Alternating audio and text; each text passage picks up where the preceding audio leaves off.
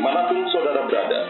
Inilah podcast Trader Clinic kembali di udara, membawakan siaran tentang seputar trading forex. Saudara pendengar, saya Didi Trader Clinic, selamat mendengarkan dan tetap merdeka. Halo Sobat Trader, kembali lagi bersama Papa Didi di podcast Trader Clinic yang membahas tentang seputar psikologis trading forex. Ya, Oke, untuk tema hari ini ya, empat pertanyaan yang harus kamu tanyakan pada diri kamu sendiri saat mengejar pergerakan harga yang bergerak sangat cepat. Gini ya sob ya, Anda mungkin tergoda ya untuk melompat ke dalam pergerakan harga yang sangat cepat. Tetapi apakah benar hanya orang bodoh yang suka terburu-buru? Ya, berikut ini adalah beberapa pertanyaan singkat yang dapat Anda tanyakan pada diri sendiri sebelum Anda berpikir untuk mengejar pergerakan harga yang sangat cepat. Yang pertama, apakah saya merasakan FOMO atau kalau dibaca itu FOMO? Ya, apa ya FOMO itu? Nah, FOMO itu bukan singkatan dari Focus and Motivate ya. FOMO itu singkatan dari Fear of Missing Out alias perasaan takut ketinggalan peluang. Istilah ini mulai populer ya di kalangan para trader ya, FOMO.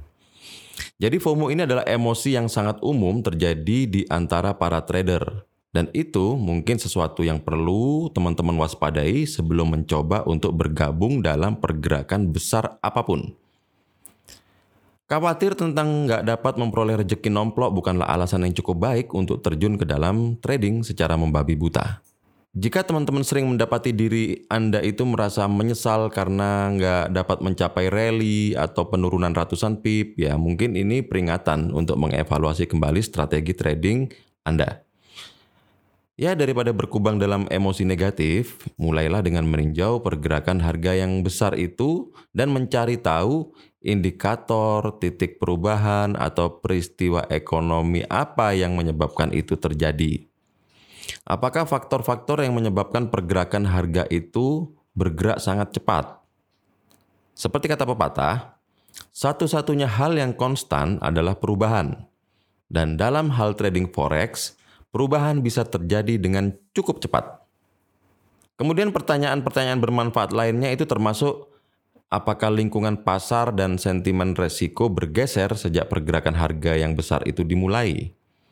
Apakah indikator teknis, candle, atau volume pasar menunjukkan tanda-tanda kelelahan? Kemudian pertanyaan berikutnya, bagaimana saya akan mengelola resiko saya dengan benar?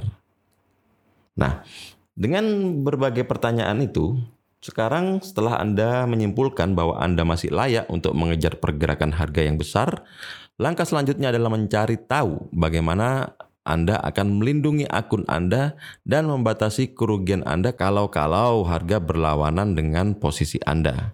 Karena nggak ada hal yang pasti dalam trading kan? Ingat, trading tanpa manajemen risiko apa pun itu nggak ada bedanya dengan judi.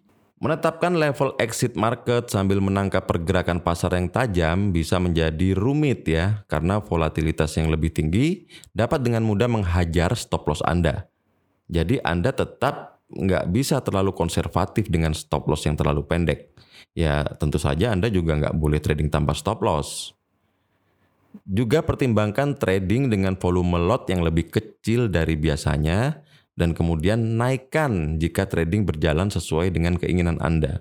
Teman-teman, ini akan menghilangkan perasaan FOMO tadi ya, karena Anda memiliki strategi dalam trading dan sementara Anda tidak akan langsung mendapatkan profit besar dengan ukuran posisi yang kecil, Anda juga akan mengetahui bahwa akun Anda juga tidak akan meledak berkeping-keping jika Anda salah menempatkan posisi trading. Ini kadang ada pertanyaan ya, bisakah saya tetap ambil posisi dengan harga yang jauh lebih baik? Ehm, begini ya, Seorang trader itu akan sangat mudah untuk terjebak dalam euforia aksi harga, sehingga teman-teman mungkin mengabaikan titik masuk potensial yang dapat menawarkan pengembalian resiko yang jauh lebih baik.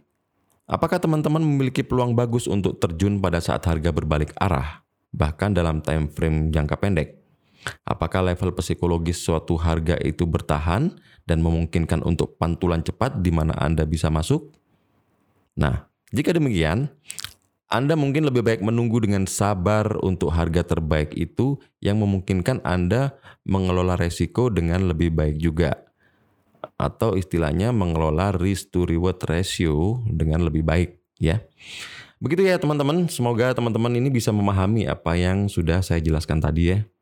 Jangan lupa untuk selalu follow ya uh, channel Trader Clinic di Spotify supaya teman-teman bisa mendapatkan update ya, bisa mendapatkan update terbaru jika nantinya ada podcast-podcast terbaru dari Trader Clinic. Jika teman-teman ingin bergabung dengan komunitas Trader Clinic, saya sudah sertakan linknya ya di deskripsi ya. Jadi nanti tinggal klik klik klik aja. Oke sobat trader, happy trading dan salam profit.